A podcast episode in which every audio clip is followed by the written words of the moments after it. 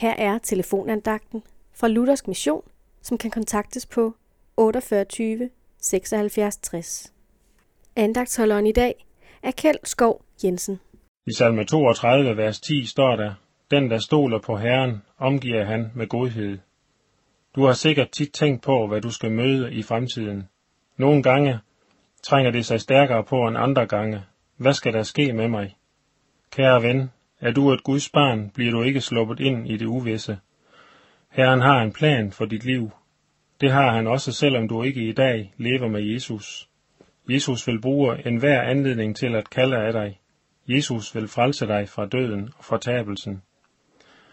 Herren møder ikke op med dom og anklage, når du falder i synd og elendighed, men som et Guds barn er du anbragt i centrum for hans omsorg, og på alle sider er du omgivet af hans godhed og nåde.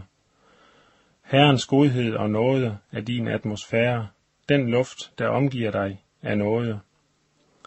Selvom du falder i prøvelsens stund, så er Herrens nåde og godhed over dig.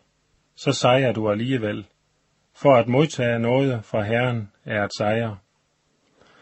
Når du er omgivet af Herrens nåde, betyder det også, at han sørger for dig i alt. Du må have lov til at leve dit liv i tillid til ham. Kast din nød og dine bekymringer på ham, for han har omsorg for dig.